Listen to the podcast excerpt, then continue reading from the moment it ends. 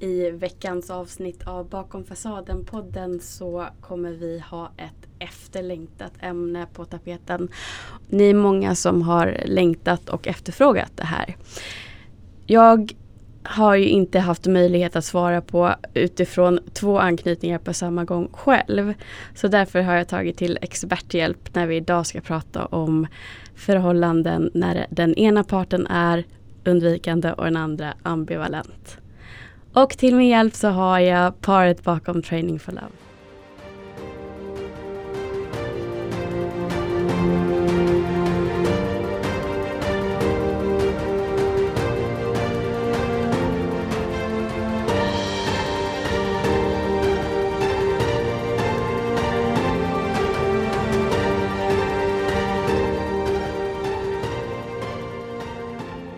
Varmt välkommen Theo och Bea. Tack! Tack så mycket. Fint att vara här. Jättekul att vara här. Mm. Och välkommen tillbaka Bea får jag säga. Ja, men tack så mycket. Det är kul att ha te med den här gången. Verkligen. Ja, jag vet ju att vi spelade in ett avsnitt där det var rent Q&A, alltså frågor och svar. Jag och Bea, när vi hade fått frågor just om det här ämnet och det var några gånger när vi kände att ja, vi får nog ringa upp Theo här. För att vi kunde inte riktigt svara på det utifrån vår egen anknytning. Ja, kul. Så det är extra härligt att ha dig här idag. Mm, kul, tack. Um, när man lyssnar på er föreläsning eller bara tar del av det material som ni har i Training for Love så får, får man ändå förståelse för att det här är någonting som ni skapar utifrån er, era egna erfarenheter. Så jag tänker bara om vi börjar att ni pratar lite grann om hur er anknytning har varit i början då innan ni blev mer trygga. Ja, men precis. Det, jag tänker att vi kan börja med att berätta att jag har en ambivalent, eh, otrygg anknytning. Och jag är mer åt det undvikande hållet. Ja. Mm. Och det kan vara väldigt lätt att tro, vill jag också bara säga, att kvinnor är mer ambivalenta och män är undvikande. Fast så, det, så överensstämmer det inte med forskningen utan Nej. det är ungefär 50-50. Mm. Nu råkar det vara Mm. så här i vår relation. Mm. Men vi coachar också många par där det faktiskt är helt tvärtom. Mm. Så, så att vi inte hamnar i något fack så man börjar känna igen sig. Så lyssna inte på vem som pratar utan kanske vad vi säger med de här mönstren. Jättebra poäng. Mm. Precis. Men hur det var då? ja, Al Armageddon tänkte jag säga. Ja, Nej, men vi var ju vänner först. Eh, kände varandra i ungefär två år. Eh, och som en vänskap som övergick i en kärleksrelation. Och när vi övergick till en kärleksrelation så förändrades vår relation väldigt mycket. Och, och vi liksom fick känslor och mönster och beteenden eh, båda två som vi inte riktigt kände igen. Mm. Och nu när vi tittar i backspegeln kan vi ju se att det var då våran anknytningsproblematik kickade igång och den hade inte kickat igång i vår vänskapsrelation. Mm. Ehm, och den kan kicka igång i vänskapsrelationer men liksom sådana band hade inte vi knutit. Så att eh, vi, vi åkte in i ganska mäktig ohanterlighet Mm. eh, fort. Våra första två år skulle jag säga. Det är ju så kan vi säga att det mest vanliga är ju just att man kanske upplever att man är trygg fram till man går in i en kärleksrelation. För det är där det triggas igång oftast den här rädslan för att bli övergiven som är egentligen gemensamt. Hur var det för dig? Theo? Ja men det stämmer. Det var väldigt likt för mig.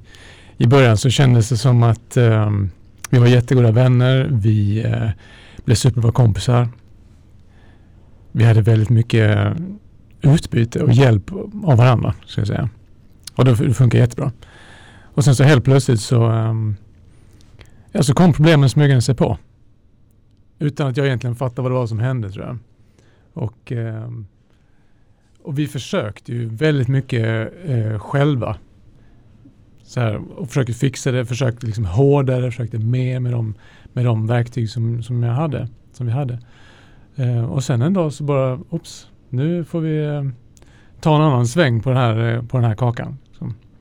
Och eh, vi hamnade i ett läge där vi kände att ja, men nu, nu så eh, nu fixar vi inte det här på det sättet som vi har gjort. Så nu får vi ta en ny, en ny, ny vinkel på det. Och det var då vi började läsa och hitta liksom, och ta hjälp. Så. Var det då ni hittade anknytningsteorin eller kände ni till den precis. innan? vi kände inte Nej. till den innan. Eh, jag hade hört om den men slagit bort den. Mm. Vilket är väldigt vanligt. Mhm. Vi, vi, ofta när vi har den här problematiken så kan det vara så att man behöver höra någonting väldigt, väldigt många gånger innan vi vågar ta in det. Och första gången jag hörde det så tänkte jag så här, nej men jag har trygg anknytning. Jag vill inte se mig själv i en otrygg problematik. Liksom.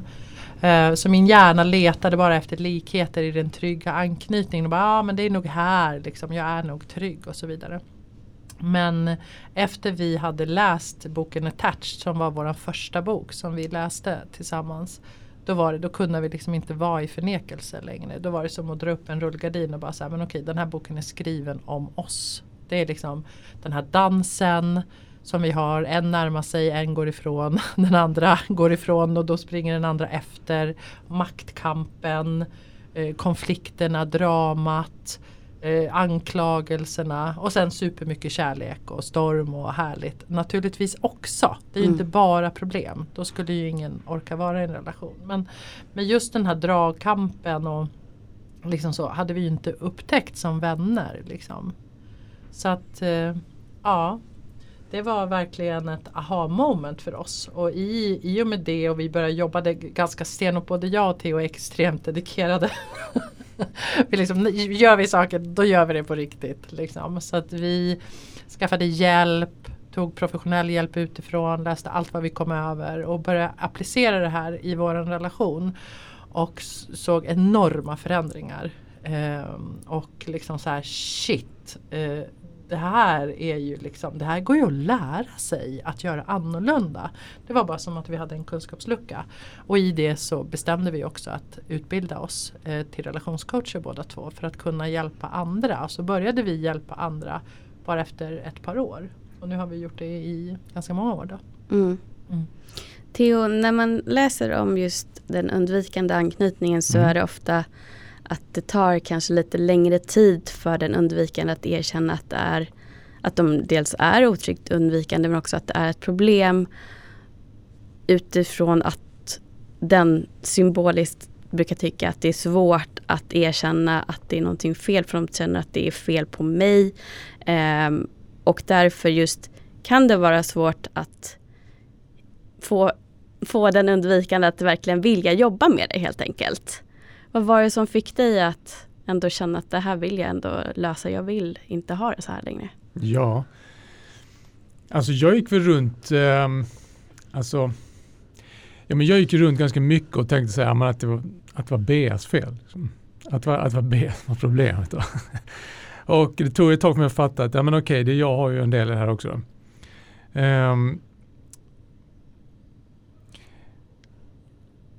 och exakt, vilk, exakt vad det var det är svårt att säga. Det var en, en liksom olika, flera olika eh, kombi- kombinationer av grejer som, som gör att jag kom till, det, till den villigheten. Mm. Men delvis så var det så här att eh, titta tillbaka och se, är det här ett mönster? Eh, har det här återkommit tidigare? Mm, ja, faktiskt. Kan jag känna igen det här? Ja, mm, okej. Ehm, vill jag någonstans att det ska vara annorlunda? Ja, det vill jag också. Ehm, och då kommer jag till en plats där jag känner okej, ehm, det här är värt att liksom, titta på mer. Mm. Ehm, och sen var det ju så att jag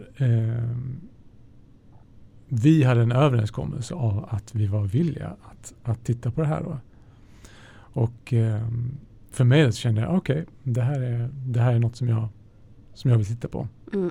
Och sen var det så att när jag, när jag började läsa om det och började titta på det, då, liksom, då kunde jag känna igen väldigt mycket. Så jag tror att igenkänningen också väldigt mycket är väldigt viktig. Att säga så okej, ja men nu, det, här, det här är något som faktiskt gäller mig och då kan jag ta ett steg vidare. Då kan jag ta nästa steg. Så att det är inte så konstigt om jag ehm, men jag tänker om det finns andra som, som känner igen sig, att man bara känner igen sig en liten del. Mm. Så det här gäller mig men det här gäller inte mig. Men okej, men då, det räcker med att jag tar det första lilla steget och sen så kommer nästa steg att visa sig. Ehm, Mm. Det är ju ett spektrum, anknytning. Det är ju inte så att du inte har en viss anknytning bara för att du inte känner igen dig i allt. Eller man kan ju också ha från båda delar och vara desorienterad eh, eller desorganiserad. Men det som stämmer in mest är ju ändå om man tar de här testen som man lättast kan gå på när man Exakt. väljer att jobba mot trygg anknytning. Exakt. Och jag tänker också att det kan jag brukar säga det också att eh, om man lyssnar på andra genom att stänga ut det de säger, säga det där är inte jag, nej, nej, nej, nej. Mm. Eller om jag lyssnar för de delar som jag faktiskt känner igen mig i. Då kan jag komma fram där. Då kan jag säga, aha, den, det där applicerar för mig. Okej, bra. Jag vill ju kolla på det. Ja eller nej? Ja. Okej, då kör vi. Så kollar jag på det. Och sen så kanske jag efter en, ett par veckor eller ett halvår eller ett år eller vad det nu tar känner jag mig lite till. Aha, där har vi någonting annat. Så. Mm. Mm, och det är, ju så, det är ju övergripande med allting som vi gör när vi ska växa som människor. Alltså att titta på den där rösten som säger nej, det här, nej, jag känner inte igen mig alls, det är bara ditt fel. Det är ju ett försvar. Ja. Och alla de här mönstren som vi har i våran otrygga anknytning är ju försvar för att skydda oss själva från den brist som vi upplevde som barn i våran anknytning till, till de vuxna som vi växte upp med. Så det där har börjat blivit ett, ett liksom så varningstecken i vår relation när någon säger så här, nej det där handlar inte om mig, det där är bara du, jag bara haha, varningsflagga, varningsflagga, Bör, titta dig själv i spegeln nu. Mm. Vad kan jag hitta som faktiskt är mitt? Och det är, det är faktiskt vägen och nyckeln ut, att våga göra det. Och jag tror också eh, att vi vi var villiga att göra det här tillsammans. Mm. Vi gick in i den här resan tillsammans och jag vet att det är väldigt få förunnat att göra det och ha en partner som är lika villig som du. I alla fall, så här, i alla fall villig. Mm. det är liksom, sen drar ju vi olika olika perioder. Ibland är jag stark och, och liksom pådrivande och ibland är Theo liksom stark och pådrivande. Och så är det ju alla dynamiker. Men, men just den här villigheten det är ju första steget. Är jag inte villig att överhuvudtaget vidga mina vyer när det gäller mitt relaterande och min kärleksrelation. Ja men då är det svårt. Då kan inget växande komma in i det. Liksom. Mm. Så att till, till, dig som lyssnar också att, att verkligen så här ähm, är jag villig att titta på mina mönster? För det gör ont och det finns skam där och skuldkänslor och liksom och vi är också har ju de här mönstren för att vi är rädda att förlora Mm. den som vi är tillsammans med och då börjar jag öppna upp och säga så här Oj då, jag är visst väldigt kritisk. Oj då, jag ställer visst väldigt höga krav och oj då. Det, då, då finns ju också en rädd, rädsla att vi blottar oss att den som vi älskar faktiskt ska lämna oss. Så Mm. att då, nej, då vill vi skydda det och inte berätta det. Liksom. Och det har verkligen varit någonting som vi har jobbat så, så mycket med i vår relation. Att skapa det trygga rummet. Mm.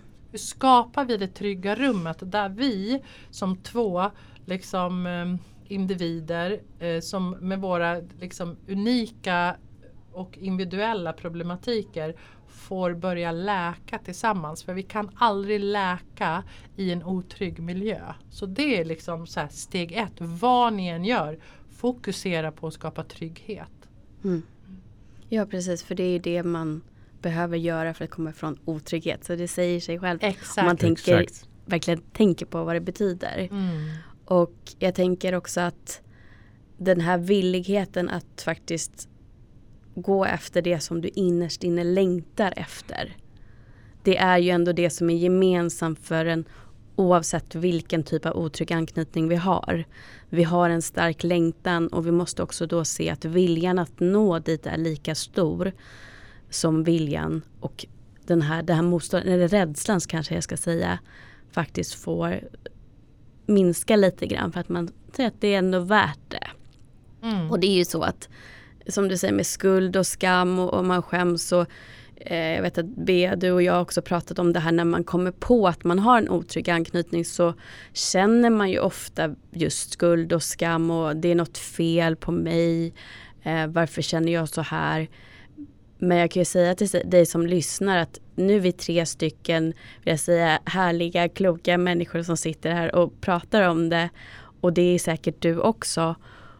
Vi är nästan 50% av befolkningen som har någon typ av otrygg anknytning. Så du är absolut inte ensam. Och som Theo säger, det här med igenkänning. Det är därför vi gör det här arbetet också. För att man ska känna att det här är någonting som så många kämpar med och kanske inte har medvetenhet om.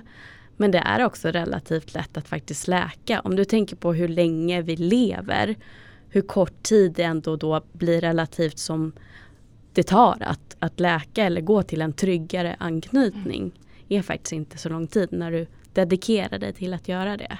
Nej men och det tycker jag är så intressant för att ofta så får ju vi frågan så här, ja men är det svårt, tar det lång tid, liksom, hur mycket energi lägger ni ner och så vidare. Kan jag säga så här, all energi som vi har lagt ner på det här, ja det är mycket energi och det har tagit mycket längre tid och Mm. vi, fort, vi gör ju fortfarande den här resan. Mm. Vi är långt ifrån klara, jag tror aldrig att vi blir klar för det finns ingen perfekt partner eller relation eller intimitet. Liksom. Men idag om vi går in i en konflikt så liksom dippar vi ner och kommer upp väldigt fort. Förut kunde ju vi liksom rulla omkring den där konflikten i flera dagar och i våran dans. Liksom. Idag ser vi det, tar oss upp och pratar om det och, och kommer tillbaka till relaterandet igen. Väldigt, väldigt fort. Liksom. Men om du tar, lägger allt, all den tiden och energin i en hink så är det ingenting mot för all energi och tid som, som jag la på dysfunktionella relationer förut. Så det är liksom hur, hur, länge, hur, mycket, hur mycket energi det tog av mig. Livsenergi och dränerande och våra två första år även om de var fantastiskt härliga och vi reste jättemycket och jorden runt och och liksom hade så mycket äventyr och härligt. Så, så var det ju så mycket energi som gick åt åt drama och konflikter och den här dansen och älskar du mig, älskar du inte mig och ska det vara vi och inte vi. Liksom. Så det är så värt det. Varenda steg är så värt det och man får mycket energi. Liksom, relationen blir en energikälla Mm. till slut. Liksom. Som man kan hämta kraft och energi ur, ur som individer. Ja, ni har ju verktygen och det är det man får när man jobbar med det. Det är ett ständigt arbete men det är ju relationer för två trygga personer också. Det är ju ett ständigt arbete.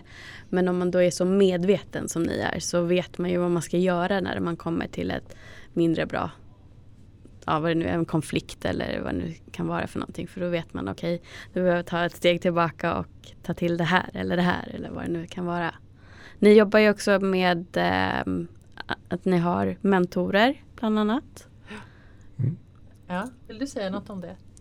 Ja, våra mentorer det är ju det är A och O för oss. Mm. Det är jätte, jätteviktigt och det är också det jag tänker när vi ehm, i det här jobbet så är det så lätt att bli ensam. Och att man tror att man ska klara det själv. Och någonstans är det så nej men jag, jag klarar inte det själv för jag har ju kört dit den här platsen där jag är själv. Mm.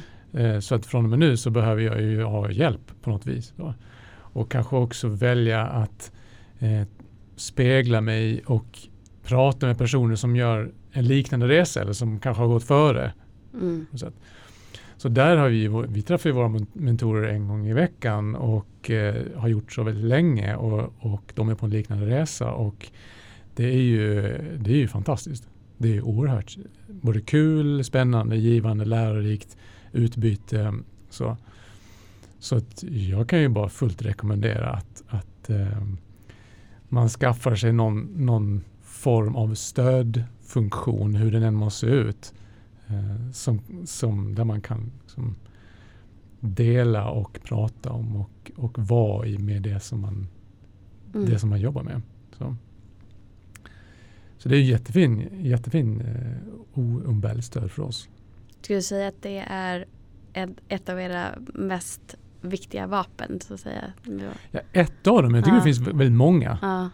Ehm, Men att ta hjälp. Mm. Att, Att våga hjälp, be om precis. hjälp och säga jag kan inte. Mm. Det, är, det är jätte, jätteviktigt. Ett, ett av alla verktyg. Precis, så har. det går ju tillbaka till det du sa alldeles nyss, det här med att vi är inte ensamma. Mm. Det är många som har det här. När jag tror att jag är ensam, det är då jag låser in och tänker att nej men jag måste fixa det här själv. Men, men så var vi inte ensamma. Och så fanns det massa andra människor med liknande erfarenheter och som, eh, där man kan bolla erfarenheter. Ehm, och det, det blir ju en hjälp. Då. Sen kan man ta hjälp på massa olika sätt. Mm. Ja, det- det, får man väl hitta. Men jag tänker det som, som ni har pratat om och som ni berättar också om när ni berättar om er egen resa. Just att ni har andra par som ändå kan se utifrån att de har samma kunskap.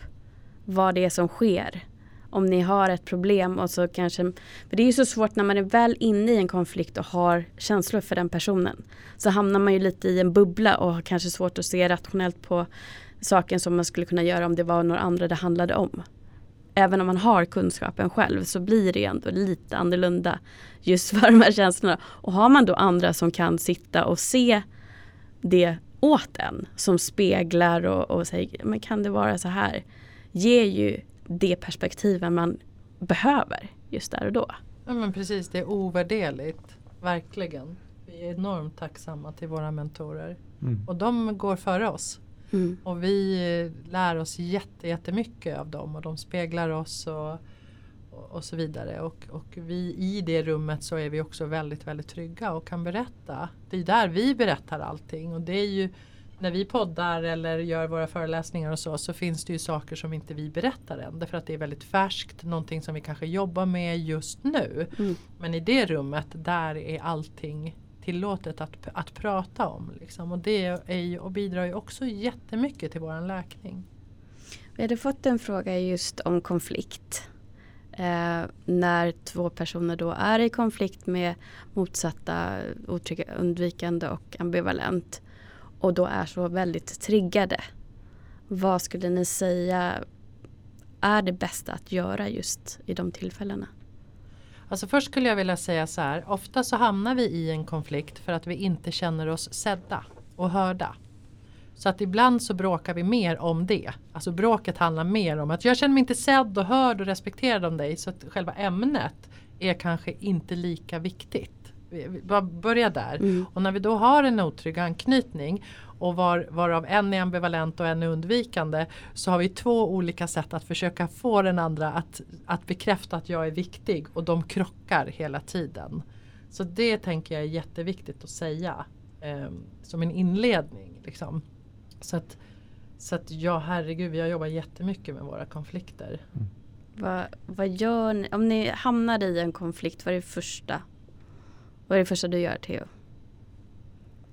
Ja, det första jag gör, jag kanske blir sur. Eller? Du skriker. ja, precis. men jag tänker utifrån... Nej, men dra, blir det det här triggade undvikande att du gärna drar dig undan? Um, ja, så kan det vara men det kan också vara inte så uppenbart att jag drar mig undan. Det kan mm. också vara så här att, att um, jag drar mig undan genom att inte säga det som jag skulle vilja säga. Lite shutdown. Kan det vara lite shutdown att du stänger av och bara ja, blir sådär? Ja precis, ja. Så, kan, så kan det vara. Men det kan också vara så här att det ligger någonting, alltså om en konflikt finns, om, om det grundar sig i ett mönster, till exempel att, att det är någonting som jag har um, inte uttryckt på, på en längre tid så här, jag tycker inte det här funkar och så, uttrycker jag inte det, då kan ju det växa till en konflikt. Mm. Och sen så när, det, när en, en till synes väldigt liten sak dyker upp som är helt oviktig så bara kommer allt det här upp och så bara, vad i helsike liksom. Så. Um, och då vad är det för anledning till att jag inte har sagt det där? Mm. Vad är det för anledning till att jag låter det där bygga upp? Vad är det för anledning till att jag inte hittar rätt ord för att uttrycka det? eller rätt, liksom, vad, är, vad är det med som gör att jag, inte, att jag inte kan hitta metoderna för att, för att vara ärlig med det som jag inte tycker funkar eller det som känns eller det som på något vis. Liksom. Um, så det är ju på ett sätt en form av att dra sig undan mm. från, från ärligheten eller intimiteten eller det nära mötet. Så här, jag känner det här eller Eh, det här funkar inte så bra. Eller när du sa det där så kände jag sig så. Eller jag är orolig för det där. Eller jag är rädd att det där ska hända. Hur det än må vara. Mm. Så. så det är ju på ett sätt att undvika en närmare ärligare relation. Um, så det kan ju vara ett tidigt sätt att undvika. Och sen, ja visst, sen skulle det kunna vara att nej, men det här blir en jobbig situation för mig att vara i. Så då vill jag hellre dra vad jag nu gör, kolla på mobilen eller kolla på tv eller sticka ut och springa eller vad, något annat. Så. Och det kanske är tidigt, men sen när man redan är, när, när vi redan är i konflikten då. Ja men om jag hinner fånga mig själv och hinner se, okej okay, det här barkar någonstans åt. Det här behöver göra någonting åt. Ja men då kan det ju vara som att ta en paus. Eh, ta en time-out eller eh, helt enkelt lyssna på Bea, vad det är hon behöver. Vad det är som uttrycks. Då. Men då kanske jag har gått lite längre med, med lite Mm. någon form av medvetenhet.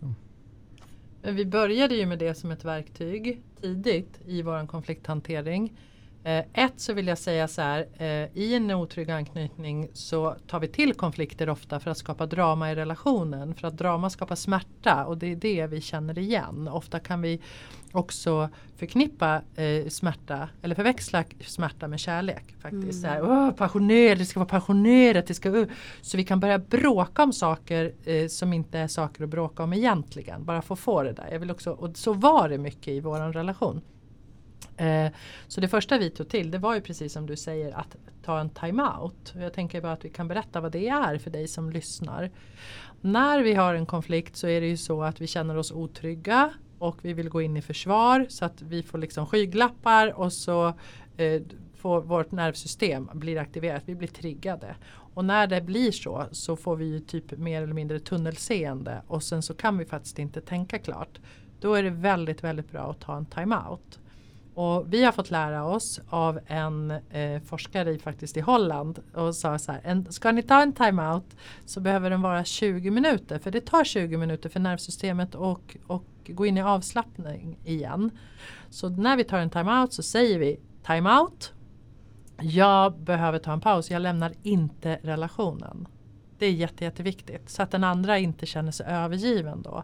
Och sen så går vi iväg, ställer en klocka på mobilen på 20 minuter och när alarmet ringer kommer vi tillbaka direkt till våran partner och så kollar vi så här, kan vi prata nu från ett mer liksom nyktert och mogen liksom så.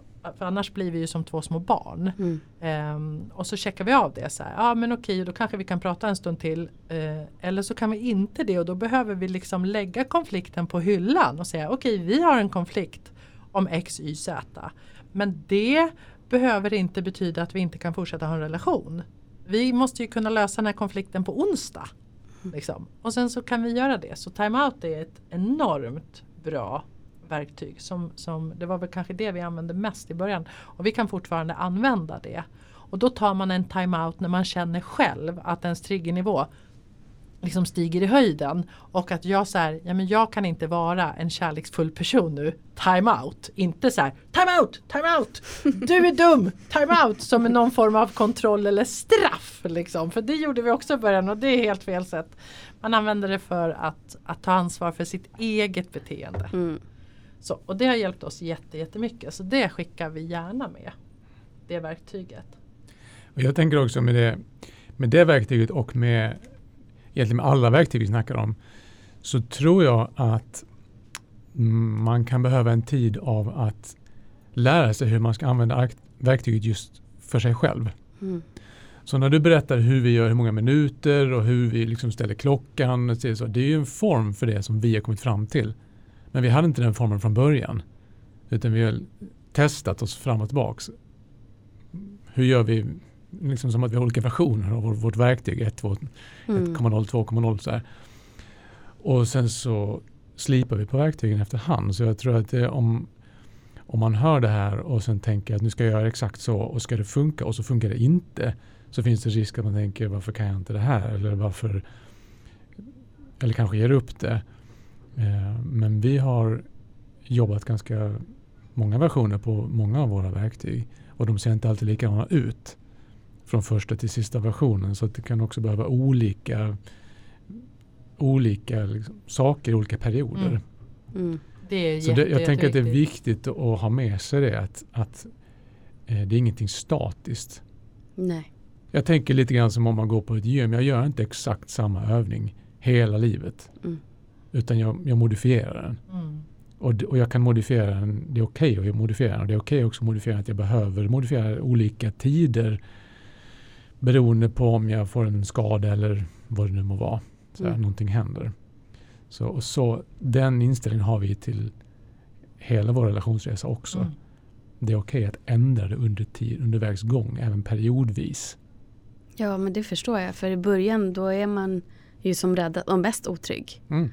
Och då kan man behöva göra på ett sätt att man är extra tydlig med att nu behöver jag en paus här för nu är jag så triggad. Men det betyder inte att jag lämnar dig. Mm.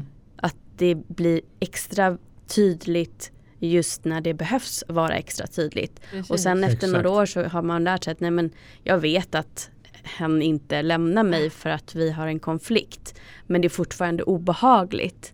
Så det kanske räcker med att de säger ja men jag behöver en paus nu. Och det kanske inte är lika viktigt att de säger just det här jag lämnar inte relationen för det kanske man ändå har funnit en trygghet om Mm, i sig. Exakt, Precis. precis. Men att det individanpassas och också fasanpassas. Exakt. Så som jag Hela, hela tiden. precis.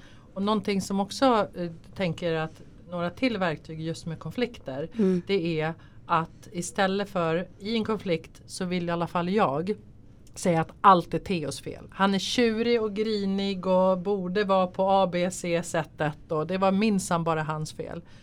Men, men vi har jobbat, vi jobbar jättemycket med någonting som kallas egen inventering Och det är att vi, det här kunde vi inte i början, det här är det, där vi är nu. Eh, Det är att när det uppstår en konflikt så går vi, om vi tar en paus, så går vi och tittar på vår egna steg i dansen. Vår Mm. eget ansvar i den här konflikten. För det är inte bara en som träter.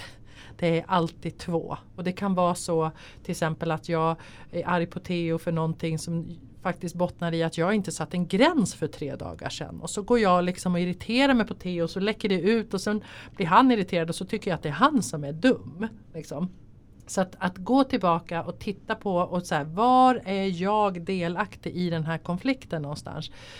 Till exempel en ambivalent som gärna höjer rösten, använder ord, blir kritisk, inte vågar sätta gränser, går in i anpassning. Det är också delar av en konflikt. Inte bara den undvikandes undvikande Mm. utan också den ambivalentas liksom, konstanta närmande och eskalerande hela tiden. Så då går vi på, på vår kammare och så skriver vi ofta en lista och gör den skriftligt så att det blir tydligt. Och sen går vi tillbaka till varandra och säger så här Förlåt, jag ser att jag gjorde det här och det är så fruktansvärt läkande. Och bara ja, för det, jag har ju sett vad Theo gör ofta och Theo har ju sett vad jag gör ofta. Så det är liksom så himla fint och det här Mm. kan man ju ta med sig i alla relationer. Det här handlar inte bara om kärleksrelationen utan på jobbet och med vänner och sådär. Titta på din egen del och våga, våga visa den och säga Förlåt, jag ser att jag höjde rösten. Jag, jag förstår att det behöver säkert obehagligt för dig när jag gör det. Jag ska träna på att inte göra det, till exempel. Liksom. Mm. Så det är väl där vi är idag när vi hamnar i konflikter eller liksom på något sätt en ohanterlighet. Och det, är, ja, men det gör att vi växer som människor och vi växer som par hela tiden och det blir tryggare och tryggare. Vi, vi, vi vågade inte göra det här i början för så mycket trygghet hade vi inte men idag gör vi ju det. Jag tänker på precis det du säger med tryggheten.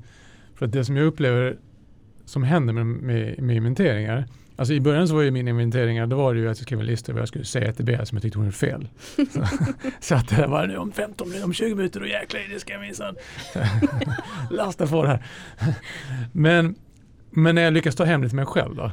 Då händer det ju, dels så händer det på mitt plan helt, eh, vad ska man säga, icke-intuitivt så känner jag en frihet istället. Vilket är helt konstigt. När jag tittar på det jag har gjort fel så blir jag själv fri på något vis. Mm. Jag kan inte exakt förklara hur hur det funkar men det är så det blir.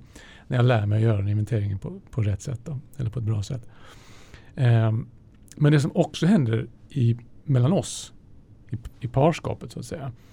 ehm, när vi lyckas lära oss att ta emot och ehm, göra plats för en sån här inventering mellan oss utan att vi går in och börjar skälla på varandra för det. Om Bea kommer till mig med sin inventering så kan inte jag sitta, ja precis så där gjorde du och bä, bä, bä. Utan måste, må, vi måste hitta ett sätt att låta det här finnas mellan oss. Eh, utan att skuldbelägga dem.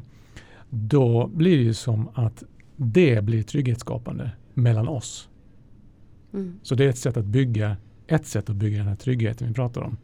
Och då blir det helt plötsligt som att det blir mer plats mellan oss för båda två att vara här med sina fel och brister och sina respektive sår och anknytningsmönster etc. Och då blir det helt plötsligt en upplevelse av trygghet istället. Mm. Jag gjorde fel. Jag, jag gjorde någonting illa men det var okej. Det- Vi, vi lyckades komma ur det. Mm. Och då kan vi bli bättre och bättre på att komma ur det med tiden. Men det är väl också att man lär nervsystemet att en konflikt behöver inte betyda uppbrott. Exakt. Att det är en utveckling istället. Och då blir det ju inte lika läskigt. Exakt. Och ofta i en otrygg anknytning så hotar vi varandra. Jag kommer att lämna dig, vi packar väskan, vi slår igen dörren, vi drar oss undan. Alltså vi har ju de här mönstren Mm. så. Där vi tror att "Åh, jag kan inte bråka med dig för då kommer du lämna mig. Men i hälsosamma relationer så har man konflikter. För konflikter betyder också djupare intimitet. Jag visar för dig vad jag känner i den här stunden. Liksom. Men man kan ha konflikter utan att kränka varann eller hota varann. Eller göra varann otrygga. Och Mm. det har ju vi fått lära oss. Verkligen. Liksom. Så det är jag väldigt tacksam för. Ett sista verktyg som jag skulle vilja skicka med till dig som lyssnar det är ju Precis som det du säger Theo, det här att det är en konstant utveckling. Ingenting är liksom rigitt eller förblir som det någonsin har varit. Och det är att vi har parmöten en gång i månaden. Det har vi haft i många, många år. Och ehm, på de här parmötena så tar vi upp också saker som vi kanske inte tycker riktigt funkar. Liksom. För vi har ett, en överenskommelse hur vi fördelar hushållsfördelningen hemma till exempel så att det känns skönt och bra för, för, för alla. Allting som har skavt i vår relation har vi pratat igenom och kommit överens om hur vi vill ha det. Och på det här mötet så går vi bland annat in så här, är det något som skaver? Vilket gör att det finns ett forum för att prata med varandra om sådana saker.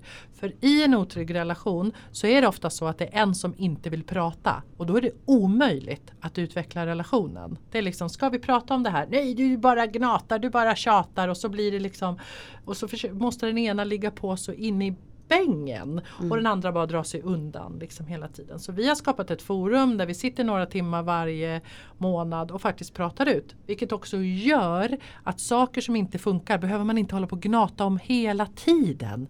För vi, ja, men jag kan väl vänta två veckor med att berätta att jag tycker att det är jobbigt eh, med disken. Det- Därför att det finns ett forum där vi pratar om det och då, då liksom börjar vi med att säga att vi får berätta allting för varandra i det här forumet. Det, det hjälper vår intimitet jätte, jättemycket. Mm. Så när man går och gör kärleksresan hos oss som är vår relationsutbildning då får man lära sig alla de här verktygen eh, och man får mallar och hur, hur, hur man gör det här. För att inget företag eller samarbete skulle funka om man aldrig hade möten och avstämningar. Men vi lever så i en relation. Mm. Vi bara tror att det ska fungera. Liksom. Hej, man måste prata. Och helst om saker vi inte vill prata om. Mm. Det är liksom de här läskiga, jobbiga sakerna. Liksom. Och om du som lyssnar, eller ni som lyssnar, om ni är ett par, eh, ha- har saker som ni inte vågar prata om, ta hjälp utifrån. Det gjorde vi. I början så tog vi hjälp så att det var någon som höll det trygga spacet för att vi visste inte hur vi skulle skapa det. Och så fick vi hjälp av det och sen så vågade vi börja prata om saker som var jobbiga. Liksom. Så. Jag tänker också ett jättebra verktyg som du och Charlotte tog upp i kommunikationsavsnittet. Det här med att lära sig lyssna och inte bara höra vad den andra personen säger. Att man då sitter och har en viss tid när den andra personen bara ska berätta hur den känner och då får man inte säga någonting och sen ska man spegla tillbaka vad man hörde. Precis. Just det, det kan inte du berätta lite mer om det? Jo men ofta, om jag tar mig själv som ett exempel, om Theo berättade saker om sig själv för mig, det handlade inte ens om mig utan det handlade om honom. Då i min otrygga anknytning så blir jag så otrygg att jag har gjort något fel, att han är arg på mig på något sätt nu så jag stänger av och sen börjar jag planera mitt försvarstal i huvudet så jag lyssnar inte ens på Theo. Så att vi började att öva, det finns en jättefin övning i en bok som heter Getting the love you want. Want Ja, istället precis. för skilsmässa? Exakt, Ja. precis. Eh, som vi började öva och det var alltså, en, alltså att träna på att lyssna. Och jag trodde att jag var jätteduktig på att lyssna tills vi gjorde det här första gången och jag skulle spegla tillbaka vad Theo hade sagt i tre minuter och jag kunde inte spegla tillbaka någonting för jag bara Nej men det var inte alls så, jag menade inte alls något illa. Och drr, alltså hela mitt huvud. Så. så att verkligen träna på en får prata och sen speglar man tillbaka och säger så här, det jag hör att du säger är Mm. och, och i början var det helt Kalle bakom. Nej men jag har inte alls sagt det. Är det det där du hör att jag säger? Jag säger inte att du var dum, dum som inte stängde dörren. Jag sa att jag blir rädd att det blir inbrott i huset. Jaha, är det det du säger? För att när de här skygglapparna i vår otrygghet åker på så får vi ett tunnelseende och sen bara går vi in i vårt försvarstal. Liksom. Det här är, det här är liksom, vi kan inte göra någonting åt det lika mycket som vi kan göra någonting åt att vi andas. Liksom. Utan det är så, atom, det är så automatiskt. Mm. Men vi kan träna på det. Är det det här du säger? Och det, för varje gång vi gör det så, så blir det ju så aha-upplevelser. Och nu har vi ju en helt annan trygghet. Så idag så har inte jag det tunnelseendet. Idag kan jag lyssna mer. Mm. Men det kommer till stunder där jag känner mig triggad. Liksom så här, och- och då slutar jag att höra egentligen vad Theo säger. Mm. Men jag tänker bara för att eh, gå tillbaka till lite saker ni har sagt nu under det här avsnittet. Jag tänker att jag känner igen er, mig i er båda för att jag har en desorganiserad. Så att jag har ju lite av båda. Och just det här med att den ambivalenta ofta, vad ska man säga, uttrycker sig ganska hårt och kan komma anklagas och ha lite mer utbrott kan man väl säga. Jag, vet, jag minns att när jag var tillsammans med en kille när jag var 20 och var totalt omedveten om anknytning och allting. Då ville jag ofta testa hans kärlek. För att jag behövde så mycket bekräftelse på att han inte skulle gå. Så att jag förstörde ju faktiskt relationen med att säga att jag tror inte att det kommer funka mellan oss. För vi är alldeles för olika, vi kommer från olika bakgrund. Det jag ville höra då var ju, jo, det är du och jag mot världen. Men hur ska han kunna veta att jag behövde höra det? Och jag menar, han hörde ju bara det jag sa och tog ju det som att nu är det slut. Och eh, stack iväg och var liksom borta hela kvällen och hela natten. Eh, så det blev verkligen katastrofresultat av någonting där jag egentligen uttryckte en enorm osäkerhet där jag ville bli bekräftad. Så det känner jag är väldigt typiskt. Jag känner igen det som du, när du pratade om det ambivalenta. Och när du pratar om det här undvikande med att när man går in och börjar tänka, projicerar jag nu, vad är det egentligen jag är irriterad över, vad ligger hos mig? Den här friheten som du säger att du upplever då. Jag tror att när jag känner så, jag vet inte om det är så för dig, men friheten för mig beror på att ligger det hos mig kan ju jag kontrollera det. Jag kan ju göra någonting åt det. Det ligger inte utanför mig. Utan om jag vet att det är någonting som jag har gjort så kan ju också jag ändra på det. Jag har liksom kontrollen på så sätt och då ger det mig en frihetskänsla. Och så är det ingen annan som vet om. Om jag bara sitter med mig själv och tänker att om det här kanske inte var så bra. Nu är jag faktiskt irriterad på om det är någon man då till exempel på att han inte hörde mig där eller vad det nu kan vara. Fast har jag lyssnat på honom att det är fortfarande jag som sitter med mig. Det är ingen annan som säger att jag har gjort fel förutom jag själv. Det är också lite tryggt. Det är bara här spekulationer med hur jag har uppfattat det som ni har sagt idag. Men jag tänkte att det var lite intressant bara att vädra mina reflektioner. Mm. Fint. Mm. Vi ska också berätta för lyssnarna innan vi avslutar att eh, ni har Training for Love där man då som du har nämnt lite tidigare har kurser man kan gå. Och kursstart är i september. Ja men precis, vi har nya kursstart i september både för singlar Eh, eller för dig som är i relation. Och du kan också gå hos oss om du har en partner som faktiskt inte vill gå. För Man kan göra en stor del av den här resan själv för det handlar om ett mycket inre läkande i den otrygga anknytningen och att lära sig hur till exempel hur man kommunicerar, att lyssna och, och så vidare. Och, så de börjar i september. Och sen så kan man ju gå på samtal hos mig då som Mm. håller samtalen om man, om man känner för det. Så kan man gå in på vår hemsida och kolla det. Kommer ni köra den här underbara föreläsningen igen? ja, den, vi, vi har något datum här i höst faktiskt Ja. där den kommer tillbaka. Vi håller ju den lite titt som tätt just nu då online. Mm. Men, ehm, ja, men det funkar ju jättebra. Så den kan man också, det ligger också på vår hemsida under kalender. När den Mm, kommer nästa bra. gång. Mm. Den rekommenderar jag verkligen varmt och jag tycker det är så roligt att känna för att man kan också om man ser den flera gånger så kan man känna hur man själv har utvecklats. För första gången så blev jag väldigt triggad faktiskt och nu så blir jag inte så triggad av så mycket alls längre och då Nej. känner jag åh jag har kommit någonstans. Eh, så bara av det skälet så är det också otroligt härligt att, eh, att lyssna på och känna och, och ta in.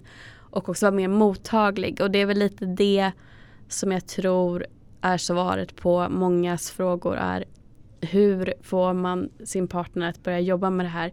Man måste ju faktiskt vara mottaglig för att vilja göra en, skapa Ja. en förändring. Precis. Och man behöver börja jobba, göra jobbet själv. Man Mm. kan inte putta någon framför sig. Man behöver eh, inspirera Precis. istället för kritisera. Så går man er kurs så kanske man inspirerar ens partner och ser oj vad min partner förändras och till det bättre och blir mer medveten. Det här vill jag också göra. Exakt, verkligen. Jättetack för att ni har varit här idag. Tack Och- för att vi fick komma mycket. hit. Jättefint Tack. att träffa dig. Vi kommer också återkomma med ytterligare ett avsnitt som vi hoppas att ni lyssnar på.